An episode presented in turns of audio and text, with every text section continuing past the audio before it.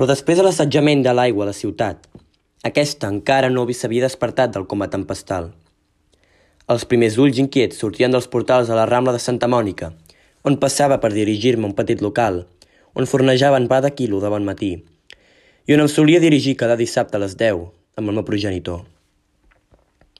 Era un fenomen sobrenatural que les gotes no eixutes al terra fessin por a la gent a resseguir aquells, ja no tan tenebrosos però sí tímids, carrers, i la innocència dels ulls que no sabien si sortir o refugiar-se dins.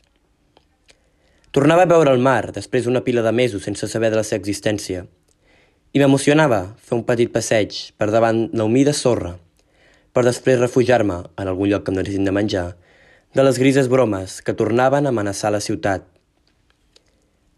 Allò d'ahir s'havia convertit en un fort i virulent temporal que atacava, amb fortes onades, a les platges barcelonines i, a moment inusual, a la vila.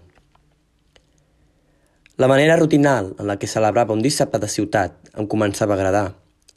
I acabava el dia amorrat a la petita pantalla per veure què deien els que en saben i d'altres que no tant. Era ja com un costum que, quan no el complia, sentia una sensació interior estranya i malaltissa i de gran penediment.